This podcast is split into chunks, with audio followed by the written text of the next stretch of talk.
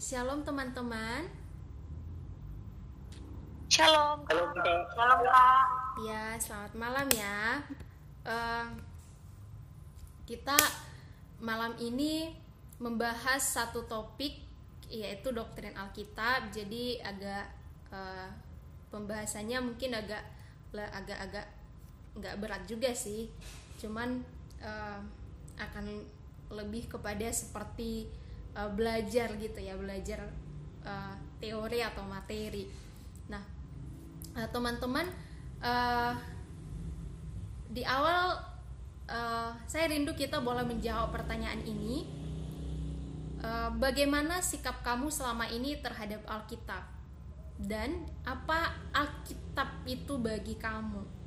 Teman-teman boleh menjawabnya di dalam hati dan eh, sangat baik kalau teman-teman menjawabnya lewat chat juga gitu bagaimana selama ini sikapmu terhadap Alkitab dan bagi kamu apa sih Alkitab itu? Berharap pada yang menjawab lewat chat ya.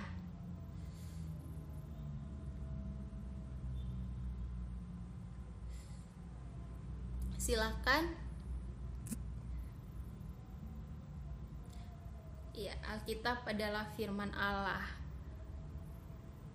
Oke, ada lagi teman-teman yang mau menjawab bagaimana sikap kamu selama ini terhadap firman terhadap Alkitab?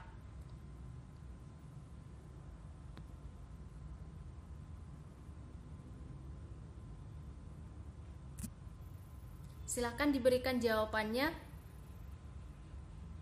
Alkitab itu pedoman hidup, oke. Ini semuanya masih menjawab apa Alkitab bagimu ya. Kalau sikap teman-teman terhadap Alkitab selama ini, kalau uh, kamu simpulkan kira-kira seperti apa? Boleh kasih jawaban untuk pertanyaan bagian itu juga?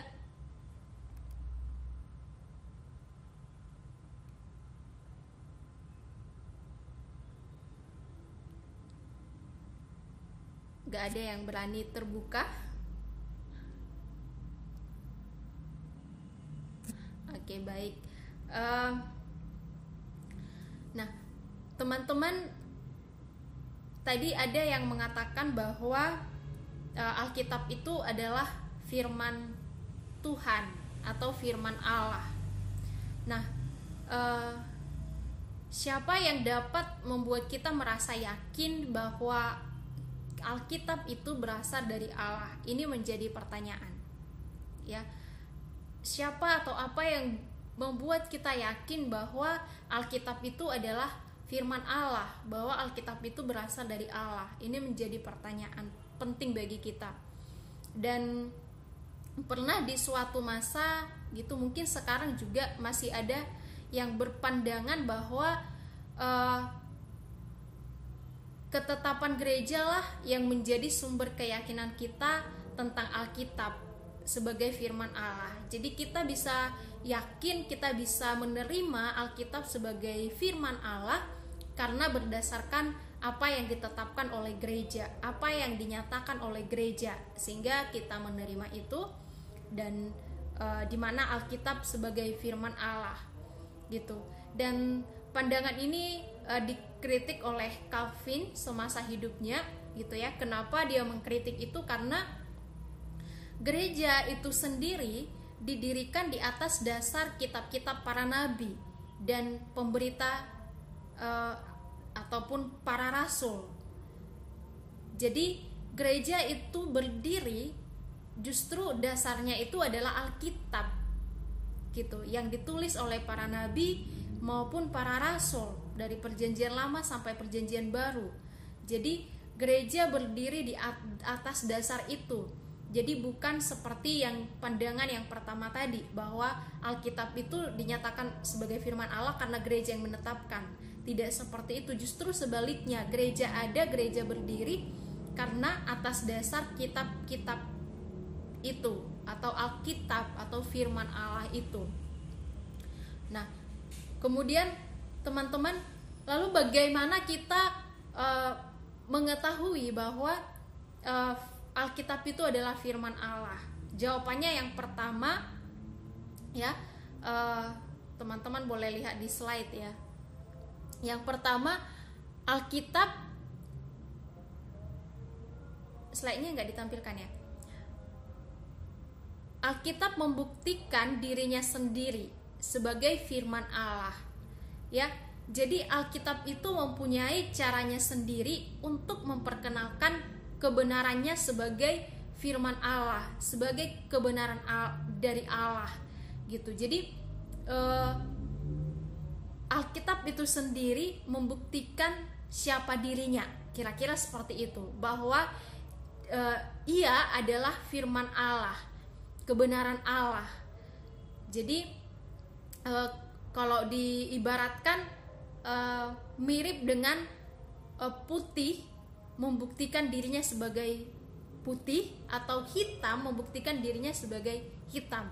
Waktu kita melihat warna putih atau warna hitam itu kan kita langsung tahu oh itu putih ini putih ini hitam. Kenapa? Karena dia memang menampakkan menggambarkan hitam atau putih.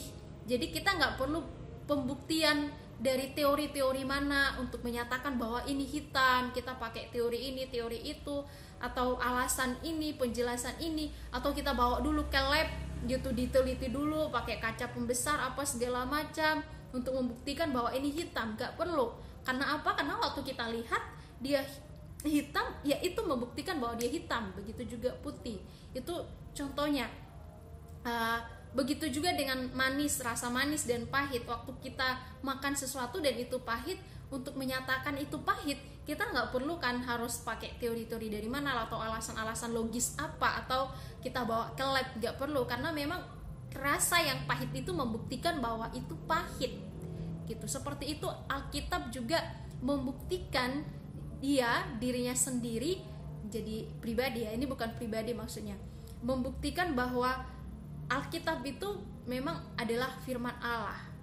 Jadi ia sendiri yang membuktikan bahwa ia firman Allah itu yang pertama teman-teman dan itu kita bisa uh, lihat ya dengan bagaimana firman Tuhan itu berkuasa ya bagaimana firman Tuhan itu waktu kita baca dari awal sampai akhir itu menjadi satu kesatuan, satu kisah. Sementara itu ditulis dalam zaman yang berbeda-beda, orang yang berbeda-beda, budaya yang berbeda-beda gitu. Tapi bisa menjadi satu rangkaian kisah dan juga apa yang dinubuatkan ribuan tahun sebelumnya dalam perjanjian lama misalkan itu bisa benar-benar tergenapi di dalam perjanjian baru dan firman Tuhan itu Alkitab itu banyak uh, menolong orang bisa mengalami pengenalan perjumpaan akan Allah uh, mengubah hidup orang ya dan teman-teman itu contoh-contoh bagaimana Alkitab itu membuktikan bahwa dirinya adalah firman Allah. Lalu kemudian teman-teman yang kedua ya yang menolong kita bisa menerima yang meyakini bahwa Alkitab adalah firman Allah adalah kesaksian Roh Kudus. Ya, kesaksian Roh Kudus itu lebih unggul daripada alasan logis mana pun juga. Sebagaimana Allah sendiri sudah cukup memberi kesaksian tentang dirinya di dalam firman-Nya di dalam Alkitab itu. Nah, begitu pula firman itu tidak bisa diterima dalam hati orang dengan rasa percaya jika tidak dimateraikan dengan kesaksian uh, Roh Kudus gitu. Jadi biarpun Alkitab itu membuktikan bahwa ia adalah firman Allah, tapi juga kita tidak bisa menerima itu, kita tidak bisa mempercayai itu juga kalau Roh Kudus tidak berkarya di dalam kita. Kalau tidak terjadi uh, pekerjaan Roh Kudus dalam batin kita, ya, yang membuat kita bisa uh, mengerti menerima ataupun mempercaya itu sebagai firman Allah, bahkan mengalaminya. Jadi ada kesaksian Roh Kudus, teman-teman, yang membuat meneguhkan kita, memberi kita pengertian bahwa Alkitab adalah firman Allah. Itu sebabnya teman-teman adalah hal yang uh, uh, hal yang normal kalau ada orang tidak bisa melihat Alkitab itu sebagai firman Allah. Ketika dia adalah bukan orang yang percaya artinya Roh Kudus tidak e, berkarya di dalam batinnya, di dalam dirinya untuk membuat dia bisa menerima ataupun mempercayai Alkitab itu sebagai firman Allah. Sekalipun dia sudah baca gitu. Ada ya orang-orang kalau buat kesaksian di YouTube gitu. Katanya dia udah baca dari perjanjian lama sampai perjanjian baru, dia udah belajar gitu, tapi dia tidak menerima Alkitab itu sebagai firman Allah. Itu banyak teman-teman. Bahkan malah bisa diburuk-burukin, bisa diprediksi salah-salah, direndahkan gitu. Kenapa? ya nggak usah heran gitu karena uh, mungkin dia tidak menerima karya Roh Kudus yang memberikan kesaksian di dalam batinnya, di dalam dirinya untuk bisa mempercaya itu sebagai firman Allah yang hidup ya. Jadi jika kita gelisah karena melihat betapa kecilnya jumlah orang yang beriman, sebaiknya kita mengingat yang sebaliknya, yaitu bahwa rahasia-rahasia Allah itu hanya ditangkap oleh mereka yang mendapatkan karunia itu, dan itu menjadi juga bagian dari pekerjaan atau karya Roh Kudus. Nah, teman-teman, selain tadi Alkitab membuktikan dirinya sendiri sebagai firman Allah, Roh Kudus memberikan kesaksian ya untuk kita boleh mengerti, mempercayai uh, Alkitab sebagai firman Allah. Teman-teman ada juga banyak sekali bukti-bukti uh, sekunder ya bukti-bukti yang ditemukan manusia baik itu berupa teori-teori alasan-alasan yang logis baik itu bukti-bukti berupa benda-benda penemuan-penemuan ya oleh orang-orang arkeolog gitu dan yang lain-lainnya. Dan bukti-bukti itu sebenarnya sangat banyak teman-teman. Ya sangat banyak kalau kita pelajari. Tapi teman-teman itu bersifat sekunder sebenarnya. Ya bila terdapat kesaksian-kesaksian manusia atau bukti-bukti seperti yang saya sebut tadi alasan-alasan yang bisa dijelaskan secara logis maupun eh, benda-benda peninggalan-peninggalan yang itu memperkuat uh, untuk membuktikan keakuratan Alkitab sebagai firman Allah, teman-teman uh, itu bersifat sekunder sebenarnya. Karena jikalaupun itu ada, kalau Roh Kudus tidak bekerja memberi kita pengertian, ya memampukan kita untuk mempercaya itu sebagai Alkitab, sebagai firman Allah, itu juga bisa jadi tidak berguna gitu. Tapi bukti-bukti sekunder itu juga sangat berguna untuk menolong kebodohan kita sebagai manusia yang berdosa. Ya, untuk membuat kita semakin mengerti, untuk menambah uh, pengertian kita, menolong kita di dalam kebodohan kita sebagai manusia berdosa. Gitu. Nah, uh, namun teman-teman dikatakan di sini adalah perbuatan bodoh bila orang hendak membukti, membuktikan kepada orang lain yang tidak percaya bahwa Alkitab adalah firman Allah dengan hanya mengandalkan alasan-alasan yang logis dan bukti-bukti uh, yang bisa dilihat gitu. Nah, uh, karena apa? Karena memang uh, biarpun dengan bukti-bukti sekunder itu tadi, tapi kalau tanpa kesaksian Roh Kudus yang bekerja dalam diri orang itu tuh juga bisa jadi tidak berarti bagi dia gitu. Makanya orang banyak sekolah teologi tapi ujung-ujungnya jadi ateis gitu. Orang uh, sekolah sampai dokter uh, bagian teologi tapi ujung-ujungnya setelah dia sekolah tinggi-tinggi dia jadi menyangkali Alkitab sebagai firman Allah. Dia jadi ya membuat banyak argumen-argumen yang menolak kebenaran-kebenaran firman Alkitab sebagai firman Allah. Ya dan itu tidak usah heran teman-teman. Kamu tidak usah jadi oh dia aja yang udah dokter berpikir seperti itu. Berarti Alkitab nggak benar nggak usah heran. Ya itu ya iblis juga bisa bekerja di mana-mana termasuk dalam kaum bagi uh, kaum intelektual. Jadi kaum intelektual juga tidak selamanya benar sekalipun berpendidikan tinggi ya teman-teman dan sekalipun itu perlu ya itu tetap perlu mempelajari tetap perlu uh, kenapa teman-teman karena uh, kita melihat pada zaman Calvin itu muncul orang-orang yang uh, meremehkan pembacaan Alkitab, belajar tentang Alkitab dan mengagung-agungkan pengajaran roh. Uh, disebut sebagai apa namanya? pengajaran Roh Kudus gitu, pernyataan Roh Kudus. Nah, uh, ini sesuatu yang keliru. Ya kita tidak bisa mengabaikan kita belajar Alkitab mempelajarinya dengan uh, alasan cukup uh, Roh Kudus yang berbicara sama kita. Itu sesuatu yang keliru sebenarnya. Ya kenapa? Karena uh, Calvin mengatakan bahwa tugas Roh Kudus yang dijanjikan itu bukanlah untuk memikirkan pernyataan-pernyataan baru yang belum didengar orang dan atau bukan untuk menempa suatu jenis ajaran baru yang menjauhkan kita dari Injil, dari Alkitab, jadi jadi firman Allah yang ada di Alkitab. Bukan itu tugasnya, tapi tugasnya ialah untuk memeteraikan di dalam hati kita ajaran yang dianugerahkan uh, melalui Alkitab, melalui Injil, melalui firman Allah. Ya. Jadi Roh Kudus akan memimpin kita, mengajar kita, tapi tidak berbeda dari apa yang tertulis di Alkitab. Makanya tetap harus belajar Alkitab. Tetap harus e, belajar mengertinya, menggalinya, ya.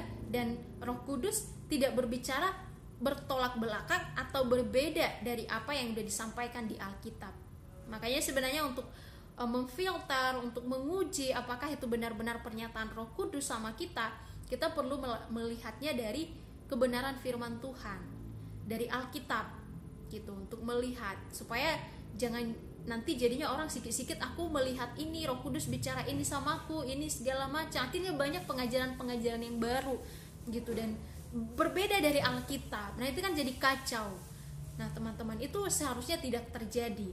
Kenapa? Karena Alkitab tadi kan kita katakan bahwa itu adalah firman Allah.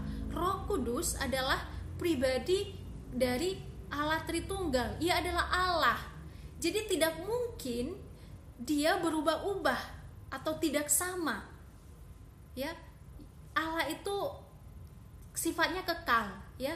Selalu mestinya dia sama. Kalau dia udah menyatakan dirinya melalui Alkitab, harusnya tidak lagi dikatakan yang berbeda dari sini. Ya, itu tidak mungkin terjadi gitu. Jadi eh, teman-teman yang Alkitab itu eh, firman Allah dan Allah tidak mungkin berubah-ubah atau tidak tetap sama. Jadi apa yang dinyatakan Roh Kudus, apa yang dipimpin Roh Kudus, diajarkan Roh Kudus kepada kita yang hidup di zaman sekarang ini, itu mestinya sesuai dengan apa yang dinyatakan Alkitab, apa yang diajarkan oleh firman Allah di dalam Alkitab. Gitu. Makanya kita nggak boleh juga mengabaikan untuk tidak belajar Alkitab. Nah, Kemudian teman-teman uh, John Calvin ya itu menyimpulkan beberapa poin tentang Alkitab. Yang pertama, Alkitab memiliki wibawa ilahi dan membuktikan dirinya sendiri. Ini yang saya jelaskan pertama tadi. Jadi kita nggak usah repot-repot ngejelasin dia menjelaskan dirinya sendiri. Saya tidak tahu apakah teman-teman punya kesaksian tersendiri bagaimana firman Tuhan ya kuasa dan kekayaan firman Tuhan itu teman-teman alami. Kalau saya pribadi, saya mengalaminya. Dulu bahkan sampai sekarang. Uh, salah satunya pertobatan saya, keyakinan keselamatan saya juga waktu itu ketika membaca Alkitab, firman Tuhan, ketika masih anak-anak, ya. Dan firman itu berbicara, ya, punya kuasa untuk menolong, untuk bisa mengerti siapa Allah dan apa yang Allah mau ya termasuk bagaimana membukakan tentang jalan keselamatan yang ada di dalam Kristus Yesus. Itu yang saya alami dulu masih anak-anak ya. Firman Allah berbicara ketika saya membaca dan itu membuktikan uh, Alkitab itu bukan buku-buku biasa, bukan dongeng-dongeng gitu dan bukan hanya itu tapi bagaimana itu terus membaharui hidup ya dalam banyak hal dalam kehidupan ini kita bisa ngalamin firman Tuhan yang berkuasa, yang kaya itu. Dan kita bertemu dengan Allah melalui persekutuan lewat firman. Nah, saya rindu teman-teman juga boleh menikmati ya persekutuan dengan Tuhan lewat firman yang kaya gitu. Jangan sampai kita udah lama jadi Kristen tapi ya Alkitab biasa aja bagi kita baca-bacalah di situ gitu atau kita cuma tahu di otak aja banyak tapi kita nggak melihat kuas nggak menyaksikan kuasanya kekayaannya Ya, saya berharap kita jangan terjebak seperti itu. Nah, kemudian kesimpulan yang kedua adalah bahwa wibawa Alkitab itu diteguhkan oleh kesaksian Roh Kudus di dalam batin kita. Ya. Ini yang saya jelaskan poin yang kedua tadi. Jadi ada karya Roh Kudus di dalam diri kita untuk menyatakan bahwa Alkitab adalah firman Allah. Ya, saya rindu nah teman-teman kita juga boleh berdoa supaya Roh Kudus bekerja di dalam hati orang-orang yang belum percaya atau mungkin adik-adik KTB kita, ya keluarga kita untuk boleh akhirnya mereka bisa melihat Alkitab ini sebagai firman Allah, bukan sekedar buku panduan. Ya bukan sekedar buku panduan agama gitu. Bukan ya kemudian teman-teman uh, poin yang ketiga kesimpulannya adalah hanya orang beriman yang mendapat karunia yang dapat percaya pada Alkitab sebagai firman Allah hanya orang beriman orang-orang yang sudah uh, menerima karya Roh Kudus ya mengimani Kristus sebagai uh, juru selamat mengalami keselamatan itu karena iman yang sejati. Hanya mereka yang diberikan karunia untuk percaya sebagai bahwa Alkitab adalah firman Allah. Saya ingat dulu waktu sebelum saya meyakini ya uh, keselamatan di dalam Kristus Yesus yang kita terima dengan iman waktu baca Alkitab, tapi sebelum itu eh, saya juga rajin membaca Alkitab tapi setiap saya membaca saya merasa itu seperti dongeng-dongeng atau seperti buku-buku yang asik untuk dibaca karena pada dasarnya uh, waktu kecil itu memang senang membaca jadi baca novel anak-anak baca majalah baca buku pelajaran baca buku-buku pengetahuan uh, buku-buku yang lain itu memang senang gitu membacanya. Dan waktu itu saya merasa Alkitab tidak ada bedanya sama buku-buku yang lain. Enak untuk dibaca untuk menambah pengetahuan kayak seru gitu. Apalagi perjanjian lama kan kayak dongeng-dongeng gitu. Kayak novel-novel peperangan apa gitu. Nah, tapi teman-teman setelah saya uh, meyakini ya, mengalami uh, perjumpaan pribadi dengan Tuhan lewat pembacaan firman, uh, saya merasa uh, dan menyaksikan sejak saat itu diberikan keyakinan yang baru akan uh, Alkitab sebagai firman Allah dan akhirnya bisa melihat kebenaran-kebenaran yang ada di dalam Alkitab itu. Kekayaan, kuasa, kebenaran yang dinyatakan di situ. Sehingga waktu membaca Alkitab itu bisa menyaksikan ya eh, kebenaran Allah di dalamnya dan itu mengagumkan teman-teman. Kemudian eh, kesimpulan yang keempat, pembuktian rasional ya, pembuktian logis eh, bahwa Alkitab adalah firman Allah itu penting tapi akan menjadi sia-sia tanpa kesaksian dari Roh Kudus. Ya. Jika disertai kesaksian Roh Kudus, maka pembuktian rasional atau pembuktian-pembuktian logis itu, pembuktian-pembuktian ilmiah itu ya akan sangat berguna untuk melenyapkan kebodohan kita sebagai manusia berdosa. Ya. Sepintar-pintarnya manusia, teman-teman. Siapa yang paling pintar di dunia ini? Sepintar-pintarnya manusia itu cuma secuil dibandingkan dengan pengetahuan Allah dibandingkan dengan hikmat Allah ya makanya sebenarnya saya pernah ya waktu OS dulu sampai di titik Tuhan kasih kesadaran bahwa pikiranku itu sebenarnya pikiran yang sangat kerdil. Sangat sangat kerdil. Kalau dibandingkan dengan pikiran Tuhan itu bagaikan debu pun nggak masuk gitu nggak debu sangat tipis gitu nggak terlihat. Itu pun nggak bisa digolongkan ke situ kecilnya saking saking minimnya gitu biarpun banyak orang kalau pintar ngerasa hebat ya kalau punya pemikiran mampu berpikir kritis mampu ini tuh merasa hebat kita biasanya gitu ya dalam kehidupan ini tapi teman-teman semakin saya belajar firman Tuhan belajar ngikut Tuhan kepintaran kita sepintar-pintarnya kita itu sangat-sangat minim sangat-sangat kecil sekali dibandingkan dengan pikiran-pikiran Allah yang luar biasa itu. Ya. Dan tentu pikiran-pikiran yang Tuhan kasih sama kita, kecerdasan yang Tuhan kasih sama kita itu bukan sesuatu yang uh, patut untuk kita anggap rendah. Enggak itu tetap sesuatu yang uh, patut kita hargai itu anugerah dari Tuhan dan kita gunakan untuk mengasihi Allah ya pemikiran kita kecerdasan kita itu. Tapi tetap ingat itu tidak seberapa dibandingkan dengan pemikiran Allah yang begitu agung besar itu ya kemudian teman-teman uh, Roh Kudus tidak berbicara kepada kita terlepas dari Alkitab dengan mengajarkan ajaran baru. Ingat ini baik-baik ya. Makanya gimana Kak supaya ngerti, supaya peka dengan pimpinan Roh Kudus? Gimana supaya ngerti apa uh, yang diajarkan Roh Kudus sama kita? Apa pimpinan Roh Kudus sama kita? Apa suara Allah sama kita?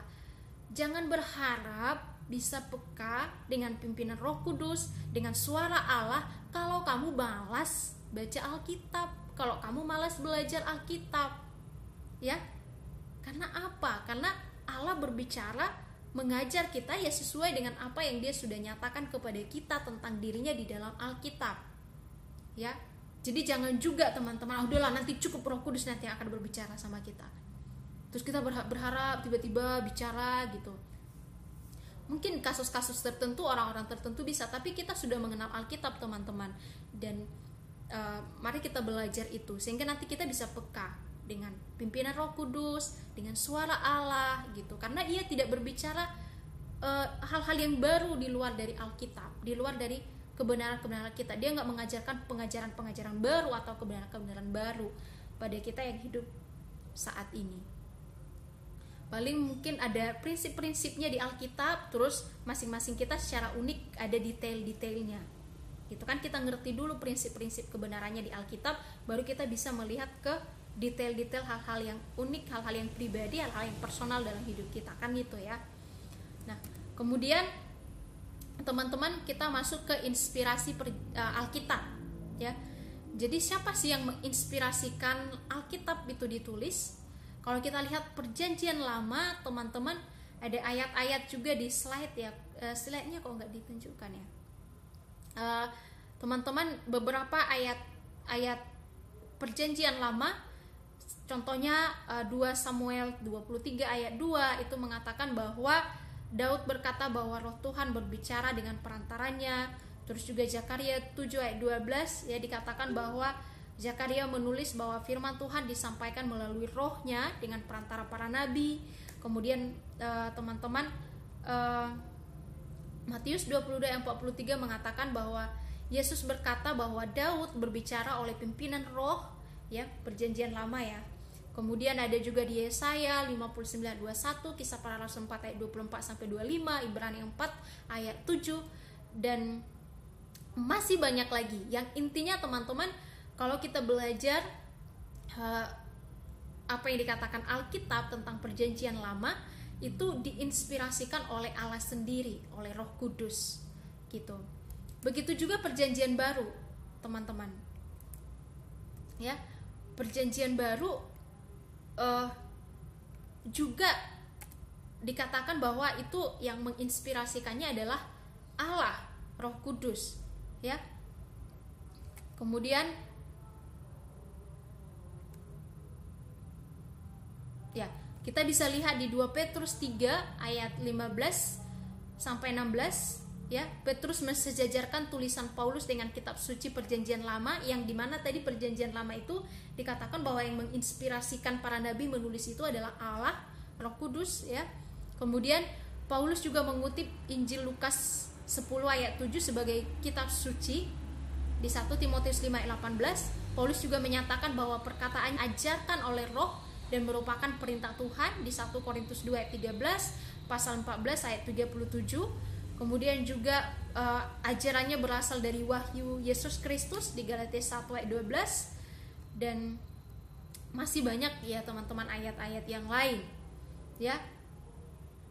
2 Petrus 3 ayat 15 sampai 16 berkata bahwa anggaplah kesabaran Tuhan kita sebagai kesempatan bagimu untuk beroleh selamat seperti juga Paulus saudara kita yang kekasih telah menulis kepadamu menurut hikmat yang dikaruniakan kepadanya. Hal itu dibuatnya dalam semua suratnya apabila ia berbicara tentang perkara-perkara ini, dalam surat-suratnya itu ada hal-hal yang sukar dipahami sehingga orang-orang tidak memahaminya dan yang tidak teguh tidak memahaminya dan yang tidak teguh imannya memutarbalikannya menjadi kebinasaan mereka sendiri sama seperti yang juga mereka buat dengan tulisan-tulisan yang lain. Jadi bukan hikmat dari dirinya sendiri atau diri hanya dari pemikirannya tapi ada Allah yang menginspirasikan itu untuk ditulis baik perjanjian lama maupun perjanjian baru. Nah, kemudian teman-teman eh, selanjutnya perjanjian lama ya eh, sekalipun yang di dalam Alkitab itu tidak semuanya berbunyi seperti ini. Uh, Tuhan berfirman atau Allah berkata sekalipun tidak seperti itu semua bunyinya tapi teman-teman bukan berarti itu bukan firman Allah sebagian. Alkitab itu enggak. Itu semua Alkitab itu adalah firman Allah bukan sebagian. Jadi bukan gini uh, firman Allah ada di mana di dalam Alkitab. Jadi firman Allah ada di dalam Alkitab, bukan sekedar seperti itu, tapi Alkitab adalah firman Allah. Artinya ini secara menyeluruh dari kejadian sampai wahyu itu adalah firman Allah. Sekalipun tidak semuanya berkata bahwa firman Allah berfirman, Allah berkata, sekalipun tidak seperti itu. Tapi semua yang dicatat di sini itu adalah keben dari situ Allah menyatakan kebenaran-kebenaran tentang dirinya tentang apa yang dia kehendaki.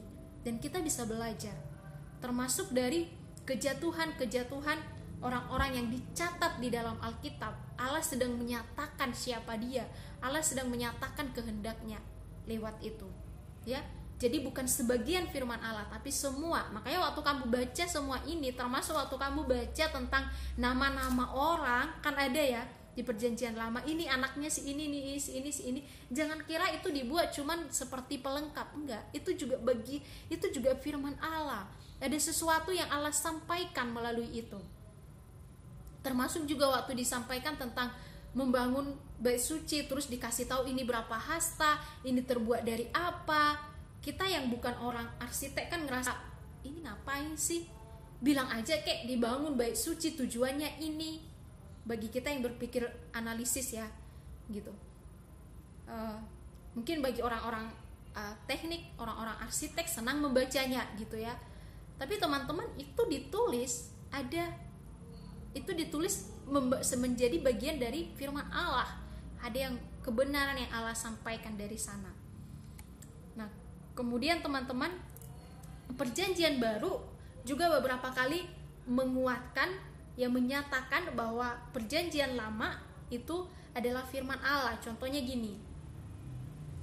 Di perjanjian lama di Kejadian 2 dikatakan di situ lalu berkatalah manusia itu, inilah dia tulang dari tulangku dan seterusnya. Kemudian di ayat 24 sebab itu seorang laki-laki akan meninggalkan ayahnya dan ibunya dan seterusnya. Nah, di perjanjian baru kalau kita lihat eh, dikatakan di situ bahwa Jawab Yesus, "Tidakkah kamu baca bahwa Ia yang menciptakan manusia sejak semula menjadikan mereka laki-laki dan perempuan? Dan firman-Nya, sebab itu laki-laki akan meninggalkan ayah dan ibunya dan bersatu dengan istrinya dan seterusnya." Jadi, perjanjian baru itu menegaskan ya Yesus dalam perjanjian baru menegaskan bahwa kitab Kejadian adalah perkataan Allah, adalah firman Allah. Ya, Ketika kita suci berbicara hal itu sama dengan Allah yang berbicara itu. Jadi ketika Alkitab berbicara itu sama dengan Allah yang berbicara. Itu sebabnya Alkitab kita sebut sebagai firman Allah, perkataan Allah. Oke. Nah, lalu bagaimana uh, Alkitab ini bisa tertulis, teman-teman? Apakah tiba-tiba gitu Allah uh, menjatuhkannya dari langit tiba-tiba ada Alkitab apakah seperti itu? Ya e, tidak teman-teman. Ya Alkitab itu dicatat ditulis oleh manusia. Tidak tiba-tiba muncul jatuh dari langit. Ya e, itu lagu apa? Kau bidadari jatuh dari langit tepat di hadapanku. Ini bukan itu ya teman-teman. Alkitab itu ditulis oleh manusia. Ya tapi e, manusia itu adalah e, menulisnya itu bukan hanya berdasarkan pemikiran-pemikirannya. Ada beberapa model penerimaan firman Allah oleh para nabi dan rasul yaitu uh, ada melalui mimpi ya teman-teman boleh lihat kejadian 37 ya melalui mimpi ada melalui visi seperti yang dikatakan di Daniel 7 visi atau penglihatan ya teman-teman. Kemudian juga ada melalui suara yang terdengar seperti yang dinyatakan di 1 Samuel 3 ada juga melalui suara hati di Hosea 1 Yoel 1 teman-teman boleh baca di situ. Terus juga ada juga wahyu dari malaikat ya kejadian 19 ada juga uh, modelnya dengan mujizat. Ada mujizat ter, uh, Tuhan lakukan gitu ya seperti keluaran 3 hakim-hakim 6 kemudian juga melalui akal budi si penulis akal budi atau pemikiran si penulis yang itu dipimpin oleh roh Allah gitu seperti yang dinyatakan di 1 Korintus 2 ayat 13 uh, pasal 14 ayat 37. Kemudian ada juga penulis mencatat Allah mendikte seperti yang dinyatakan di Wahyu 2 ayat 1 dan 8. Kemudian ada juga dengan penulis mengadakan penelitian dan dipimpin roh untuk menulisnya seperti yang dilakukan Lukas. Jadi mengadakan penelitian mungkin kayak teman-teman yang tugas akhir lah ya. Tugas akhir kan itu mengadakan penelitian. Baru dari situ nanti dibuatlah karya ilmiah gitu. Jadi Alkitab juga ada yang seperti itu. Penulis meneli, mengadakan penelitian dan dia dipimpin oleh Roh untuk menuliskannya. Ya boleh perhatikan Lukas 1 ayat 1 sampai 4 nah selanjutnya next ya slide-nya di next kan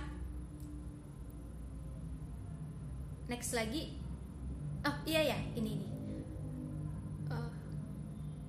Mana gambarnya ya?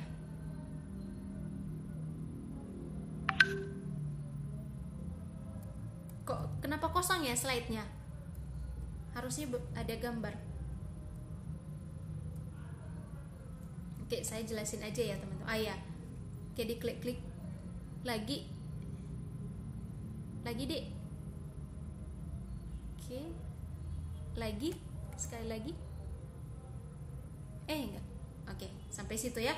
Nah, jadi teman-teman gambarannya seperti ini. Boleh lihat slide ya.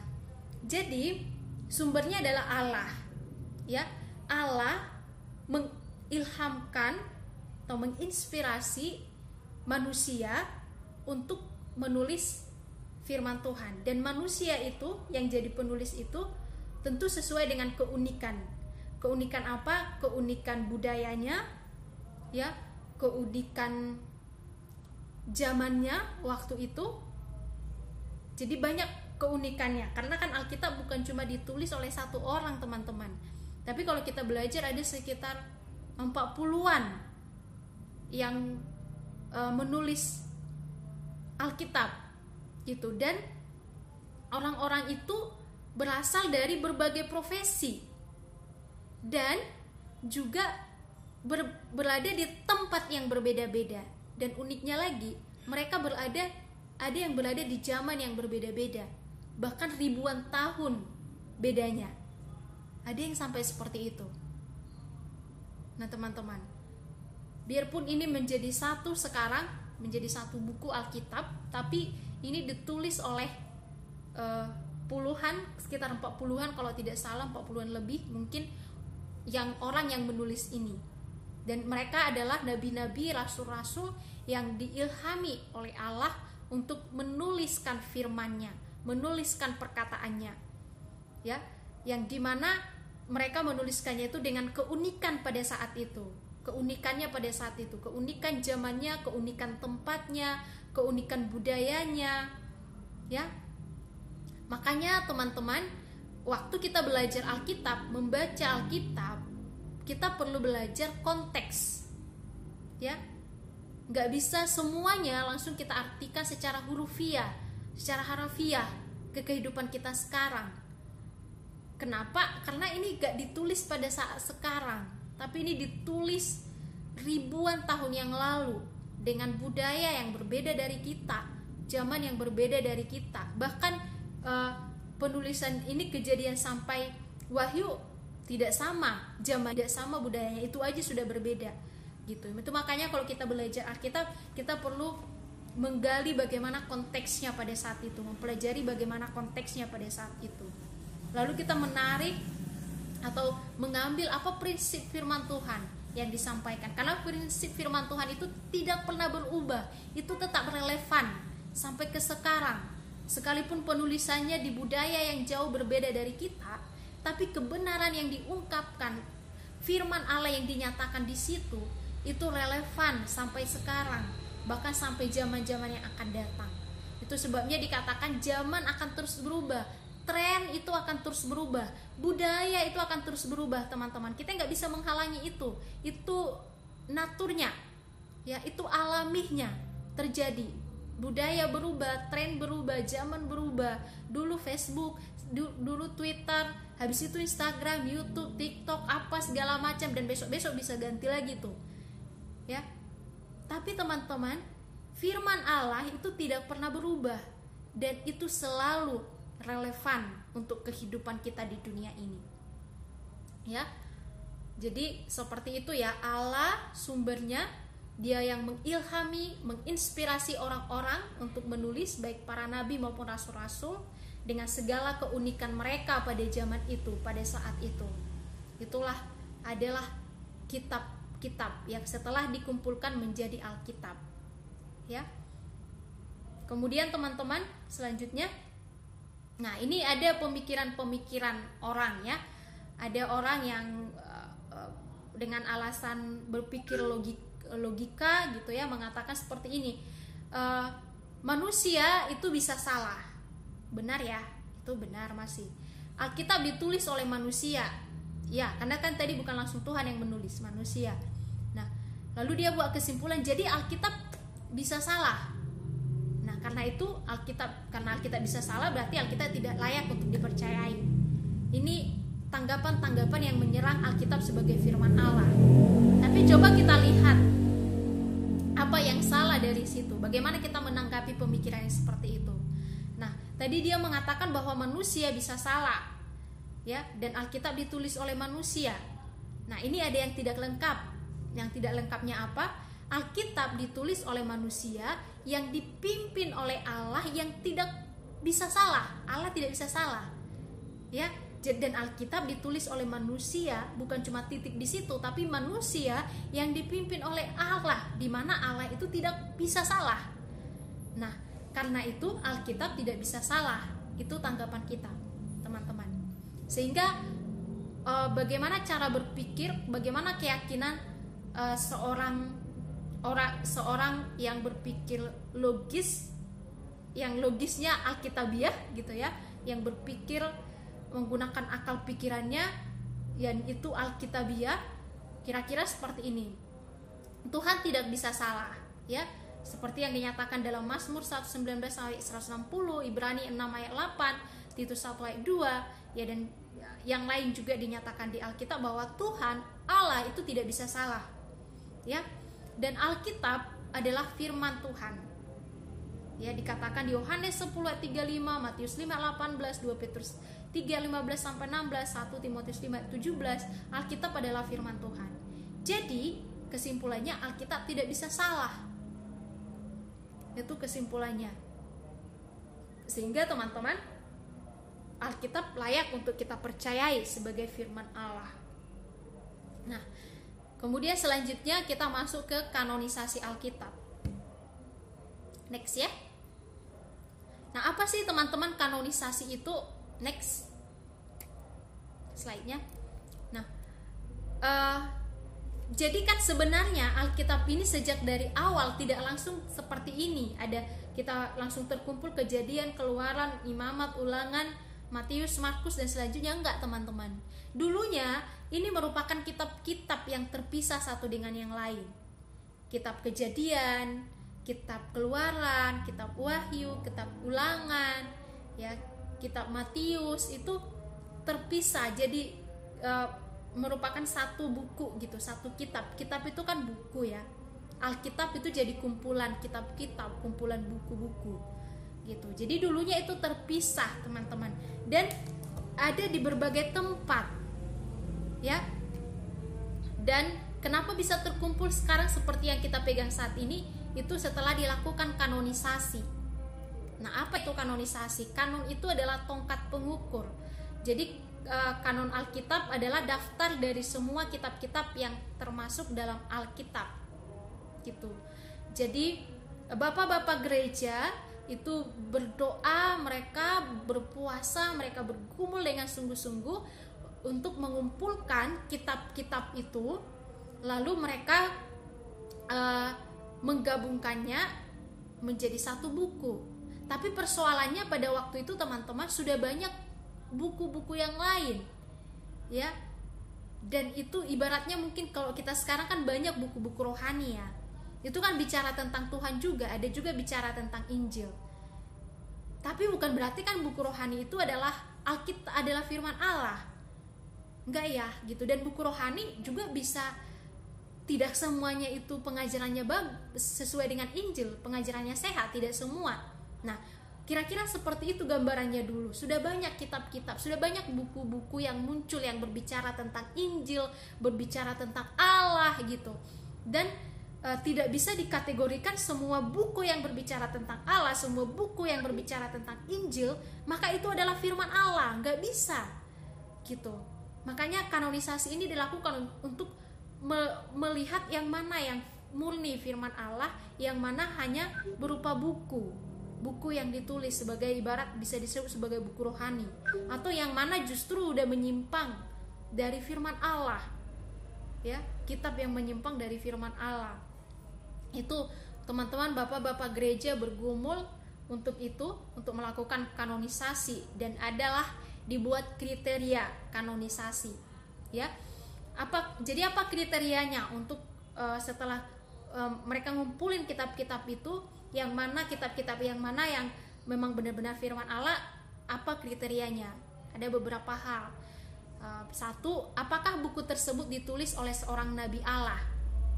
Nah ini menjadi uh, kriteria pertama ya.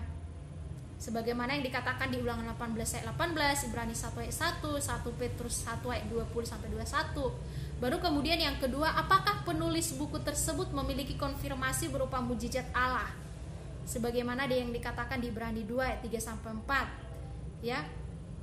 Uh, tadi apakah uh, buku itu ditulis oleh uh, nabi? Apakah itu nabi-nabi perjanjian lama?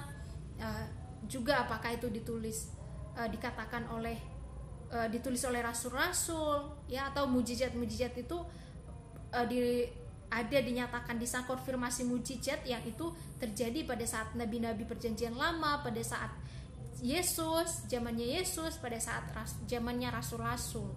Gitu. Baru kemudian yang ketiga kriteria yang ketiga itu apakah buku atau kitab tersebut menceritakan kebenaran tentang Allah?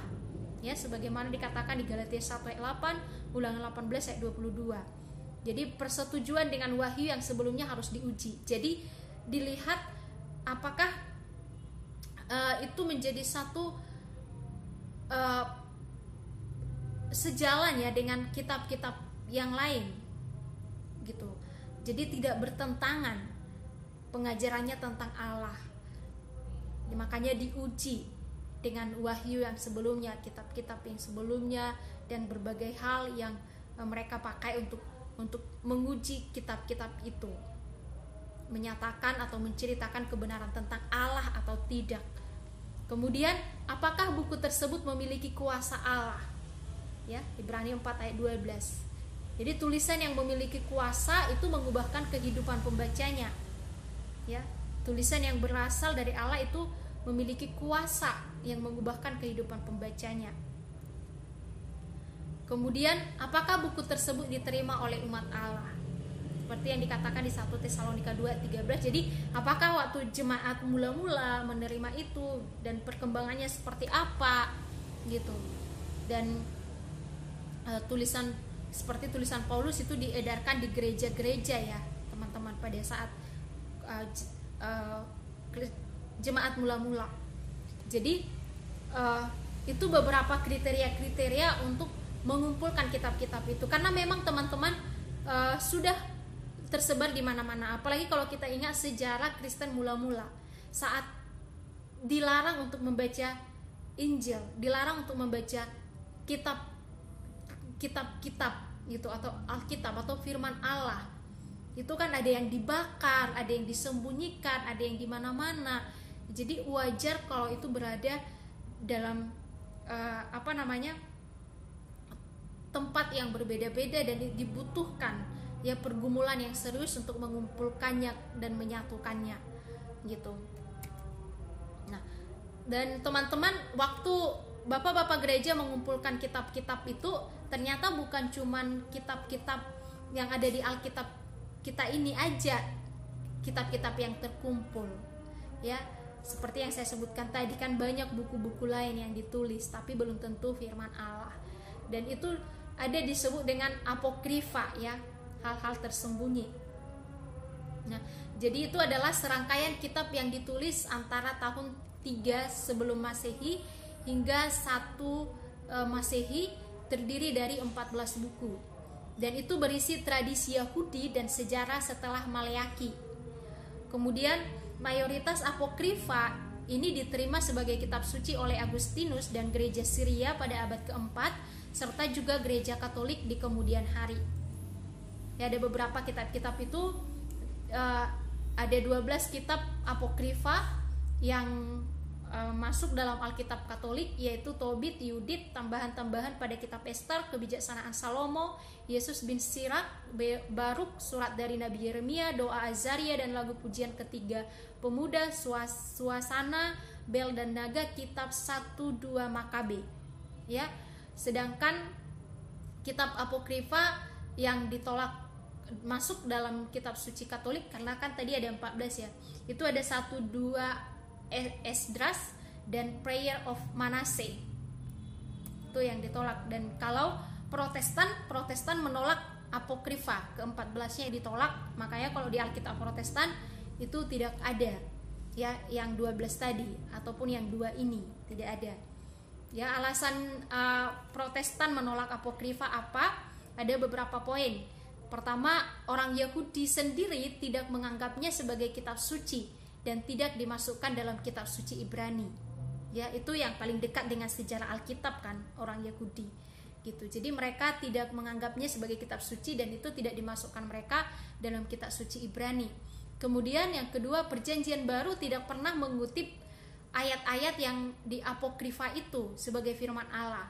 Sementara itu, perjanjian baru sering, mengutip perjanjian lama. Jadi kalau apokrifa isinya itu nggak pernah sama sekali dikutip oleh perjanjian baru sebagai firman Allah. Kemudian penulis apokrifa sendiri tidak menunjukkan dirinya sebagai penulis firman Tuhan. Jadi penulis itu pun ketika dibaca kitab itu penulis itu pun tidak menyatakan ataupun menunjukkan dirinya sebagai penulis firman Allah atau firman Tuhan. Contohnya uh, di 2 Makabe 15 ayat 37b sampai 38 itu berbunyi, "Maka aku sendiri pun mau mengakhiri kisah ini, jika susunannya baik lagi tepat, maka itu yang ku kehendaki. Tetapi jika susunannya hanya sedang-sedang dan setengah-setengah saja, maka hanya itulah yang mungkin bagiku." Jadi, penulis sendiri pun tidak mengklaim tidak menunjukkan atau menyatakan bahwa apa yang ditulisnya itu adalah firman Allah. Gitu. Secara murni. Tidak ya tapi mungkin bersifat e, buku gereja atau buku rohani mungkin bisa jadi tapi belum tentu firman Allah. Kemudian juga argumen protestan menolak apokrifa bahwa kitab ini baru masuk ke dalam Alkitab Katolik sejak konsili Trent itu 1546 jadi ternyata sebelumnya pun itu tidak masuk ternyata waktu uh, awal-awal kanonisasi. Jadi konsili ini adalah respon terhadap reformasi protestan jadi sebelumnya ternyata itu tidak masuk waktu waktu kanonisasi dilakukan tapi pada saat konsili Trent itu 1546 dan itu konsili sebagai respon terhadap reformasi gereja yang itu muncul Protestan. Di situ dimasukkan. Dan kitab-kitab apokrifa ini mengandung ajaran yang uh, bertentangan dengan ajaran Alkitab secara utuh. Misalnya apa? Doa untuk orang mati. Dan keselamatan sebagai hasil iman plus perbuatan baik. Di dalam kitab-kitab apokrifa ini ada uh, pengajaran yang menyatakan bahwa keselamatan itu selain iman kepada Yesus juga ditambah dengan perbuatan baik. Sementara itu bertentangan dengan pengajaran kitab-kitab perjanjian lama dan perjanjian baru gitu. Jadi uh, dia tidak mengajar ada yang bertentangan dengan ajaran Alkitab secara utuh. Itu yang menjadi um, alasan uh, Protestan menolaknya. Ya kemudian bapak-bapak gereja juga tidak sepakat dalam memandang apokrifa ya waktu masa kanonisasi. Walaupun sebagian uh, ya bapak-bapak gereja yang dulu ya maksudnya. Walaupun sebagian bapak gereja seperti Irenaeus, Tertullianus, Clement, Agustinus itu menghargai apokrifa. Jadi bukan merendahkannya juga tetapi Atanis, Athanasius, Origen, Jerome itu menolak apokrifa. Jerome percaya apokrifa adalah the book of the church tapi bukan the book of the of God.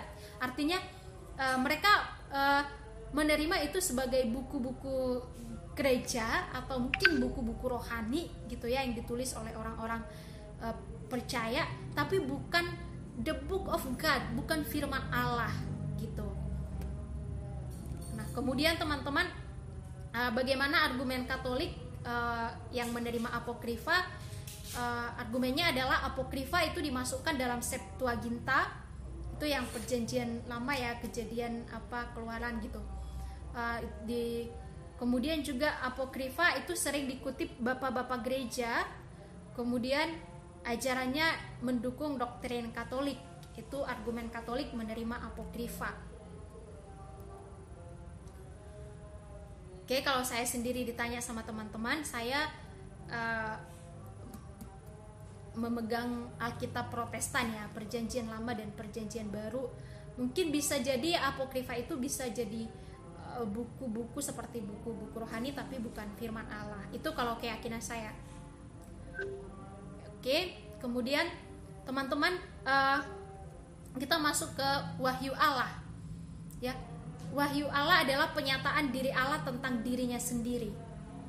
Ya, ini penting kita belajar kenapa? Karena Alkitab juga adalah pernyataan diri Allah tentang dirinya gitu wahyu Allah itu ada wahyu khusus dan ada wahyu umum, teman-teman. Wahyu umum, nah teman-teman boleh lihat gambar-gambar di slide, ya, gambar-gambar alam semesta. Next.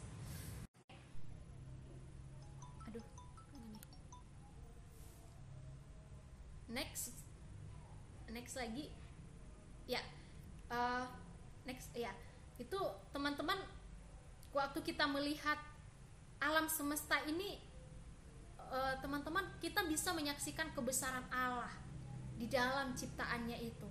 Di dalam alam semesta ini. Waktu kita melihat langit waktu kita melihat hujan waktu kita melihat tumbuh-tumbuhan melihat awan melihat petir melihat bulan matahari mempelajarinya apalagi dulu belajar geografi gitu waktu SD SMP SMA belajar tentang bumi tentang alam semesta teman-teman kita bisa menyaksikan kebesaran Allah di sana. Kenapa? Karena memang Allah menyatakan dia juga melalui ciptaan.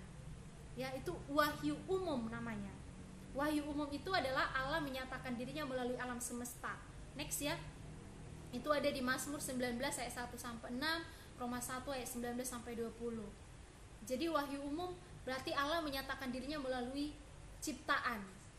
Dan yang kedua, Allah menyatakan dirinya melalui hati manusia. Ya, di hati manusia itu. Roma 2 ayat 14 sampai 15. Itu sebabnya semua manusia uh, merindukan ya untuk menyembah pribadi yang lebih besar dari dirinya gitu. Bahkan kalau bukan pribadi biasanya ideologi, tapi ada sesuatu yang diagungkan, ada sesuatu yang disembah karena pada dasarnya Allah menciptakan hati manusia itu ada hati yang mencari sesuatu yang lebih besar dari dia untuk diagungkan, untuk disembah. Ya. Next. Mazmur 19 ayat 1 mengatakan langit menceritakan kemuliaan Allah dan cakrawala memberitakan pekerjaan tangannya, ya. Wahyu umum, Allah menyatakan dirinya lewat alam semesta. Kemudian Roma 1 ayat 19 sampai 20. Karena apa yang dapat mereka ketahui tentang Allah nyata bagi mereka? Sebab Allah telah menyatakannya kepada mereka. Sebab apa yang tidak nampak daripadanya itu kekuatan yang kekal dan kelehannya dapat nampak kepada pikiran dari karyanya sejak dunia diciptakan sehingga mereka tidak dapat berdalih. Waktu kita melihat mempelajari alam semesta itu terlihat. Makanya orang-orang jenius yang belajar tentang alam semesta kan mereka semakin sadar gitu bahwa ada pribadi yang lebih besar dari diri kita dari alam semesta ini. Ya. Kemudian alam memberikan hukum Taurat dalam hati manusia dan itu bagi berlaku bagi semua bangsa. Dikatakan dalam firman Tuhan, apabila bangsa-bangsa lain yang tidak memiliki hukum Taurat oleh dorongan diri sendiri melakukan apa yang dituntut hukum Taurat, maka walaupun mereka tidak memiliki hukum Taurat, mereka menjadi hukum Taurat bagi diri mereka sendiri. Sebab dengan itu mereka menunjukkan bahwa isi hukum Taurat ada tertulis di dalam hati mereka dan suara hati mereka turut bersaksi dan pikiran mereka saling menduduh untuk saling membela. Itu tadi yang saya jelaskan. Hati manusia itu ya mencari sesuatu untuk mereka taati untuk mereka agungkan untuk mereka sembah makanya ke mana pun kamu pergi pergi semua punya ilah mereka semua punya Allah ya entah mereka menyembah Allah yang benar atau tidak atau mereka menyembah jadinya roh-roh nenek moyang pohon atau ateis sekalipun mereka menyembah sesuatu. Mereka mentaati sesuatu. Apa? Ideologinya.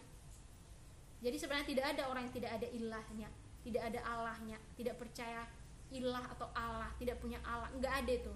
Ateis pun punya tapi ideologinya. Tidak pribadi tapi ideologinya. Ya karena memang apa? Tuhan menyatakan dirinya lewat hati nurani manusia. Yang tadi itu.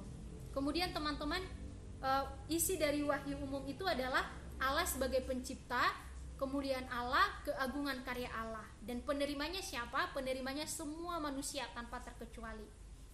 Nah sedangkan wahyu khusus ya wahyu khusus itu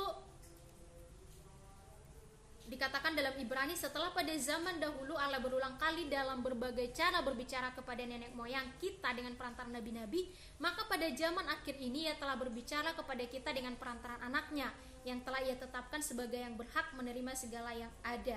Oleh dia oleh dia Allah telah menjadikan alam semesta.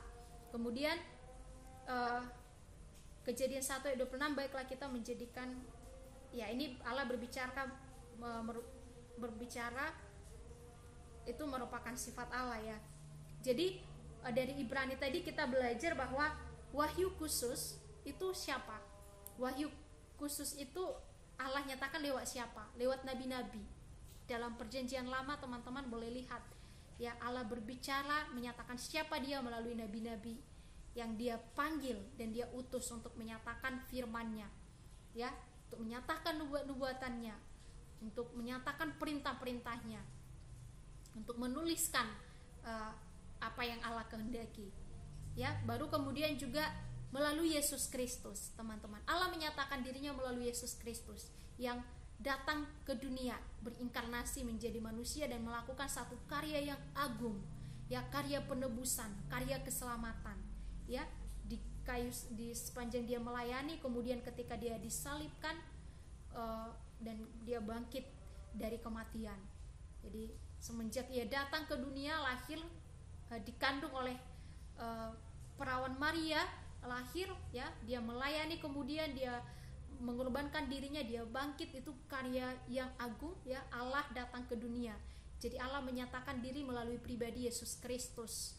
Itu wahyu khusus. Nabi melalui nabi-nabi juga tadi wahyu khusus. Dan yang ketiga melalui Alkitab ya apa yang dinyatakan di Alkitab itu merupakan wahyu khusus. Allah menyatakan dirinya melalui Alkitab dari perjanjian lama hingga perjanjian baru. Dinyatakan di 2 Timotius 3:16 ya. Dan teman-teman Yesus Kristus sebagai wahyu Allah. Yohanes 1 ayat 18 mengatakan tidak seorang pun yang pernah melihat Allah tetapi anak tunggal Allah yang ada di dalam pangkuan Bapa dialah yang menyatakannya. Alkitab juga sebagai wahyu Allah. 2 Timotius 3:16 segala tulisan yang diilhamkan Allah memang bermanfaat untuk mengajar, untuk menyatakan kesalahan, untuk memperbaiki kelakuan dan untuk mendidik orang dalam kebenaran. Nah, jadi wahyu khusus ini isinya adalah Allah sebagai penebus, rencana Allah bagi dunia secara terinci. Penerimanya siapa? Penerimanya adalah orang yang mendapat anugerah, orang yang mendapat karunia, orang yang mau mendengar. Jadi teman-teman bersyukurlah kamu jika kamu mengenal Kristus, menerima Kristus, mempercayai Alkitab juga sebagai firman Allah. Sebab itu artinya kamu menerima anugerah yang berharga dari Allah. Kamu mendapat kasih karunia dari Allah. Roh Kudus bekerja dalam dirimu. Ya, untuk mengalami menerima wahyu khusus itu. Nah, kemudian teman-teman uh,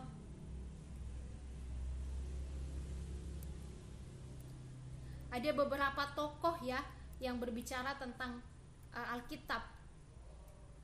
Ya tokoh-tokoh yang terkenal di dunia. Boleh di next kan tapi saya tidak akan bahas malam ini. Saya pikir bahkan bukan tokoh-tokoh besar ini pun kita juga mengalami kuasa dari firman Tuhan itu.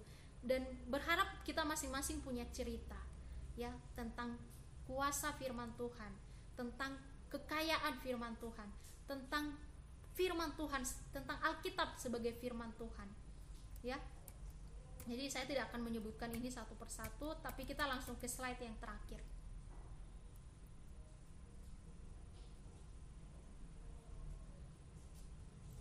Oke. Nah teman-teman eh, ketika kita telah disegarkan diingatkan kembali tentang Alkitab sebagai firman Allah teman-teman bagaimana sikap kita terhadap firman Allah itu, terhadap Alkitab itu. Respon terbaik adalah teman-teman sebagaimana yang ditulis dalam Ezra 7 ayat 10. Dikatakan di situ sebab Ezra telah bertekad untuk meneliti Taurat Tuhan dan melakukannya serta mengajarkan ketetapan dan peraturan di antara orang Israel. Ada tiga hal yang saya garis bawahi di situ teman-teman. Ya, harusnya ada empat ya. Pertama bertekad berkomitmen ya. Untuk untuk apa? Ada tiga. Meneliti artinya mempelajari firman Tuhan.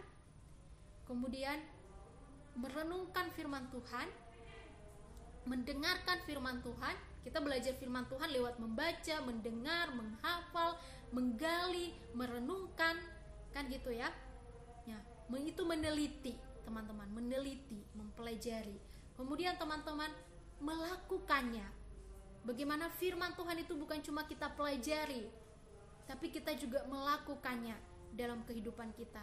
Firman Tuhan itu menjadi sesuatu yang kita rindu untuk kita boleh berjuang melakukannya dalam keseharian hidup kita. Bukan supaya kita diselamatkan, makanya kita berjuang melakukan firman Tuhan, tapi karena kita adalah orang-orang yang sudah menerima wahyu khusus orang-orang yang sudah diselamatkan tadi menerima kasih karunia ya. Dan kita bertekad untuk hidup seturut firman Tuhan memiliki nilai-nilai hidup sesuai dengan firman Tuhan memiliki standar sukses standar kehidupan itu seturut firman Tuhan bukan seturut apa kata dunia ya. Menjalan gaya hidup bukan ngikutin gaya dunia tapi apa kata firman Tuhan? Prinsip-prinsipnya itu kita pegang kuat dan kita belajar melakukannya dalam hidup kita sehari-hari dan juga kita membagikan kepada orang lain, mengajarkan dan mengajarkan ini bisa lewat perkataan juga lewat teladan hidup, teman-teman. Jadi ini respon terbaik ketika kita mengerti bahwa Alkitab adalah firman Allah dan kita mendapat sudah mendapat karunia khusus ya, kesaksian Roh Kudus sehingga kita bisa mengerti, mempercayai kita sebagai firman Allah, maka jangan berhenti di situ. Tapi respon kita seperti Ezra 7 ayat 10 adalah mari bertekad untuk mencintai firman Tuhan dengan meneliti atau mempelajarinya dengan sungguh, bersekutu dengan firman Tuhan tiap-tiap hari dan kita bertekad untuk memegang firman itu, melakukannya, menjadikan itu menjadi kebenaran yang mutlak dalam hidup kita dalam seluruh aspek ya dan kita juga belajar untuk membagikannya kepada orang lain sehingga kebenaran semakin nyata, semakin banyak yang mendengar dan semakin banyak yang mengalami kuasa dari kebenaran firman Tuhan yang ada di dalam Alkitab. Sampai di situ teman-teman ada pertanyaan?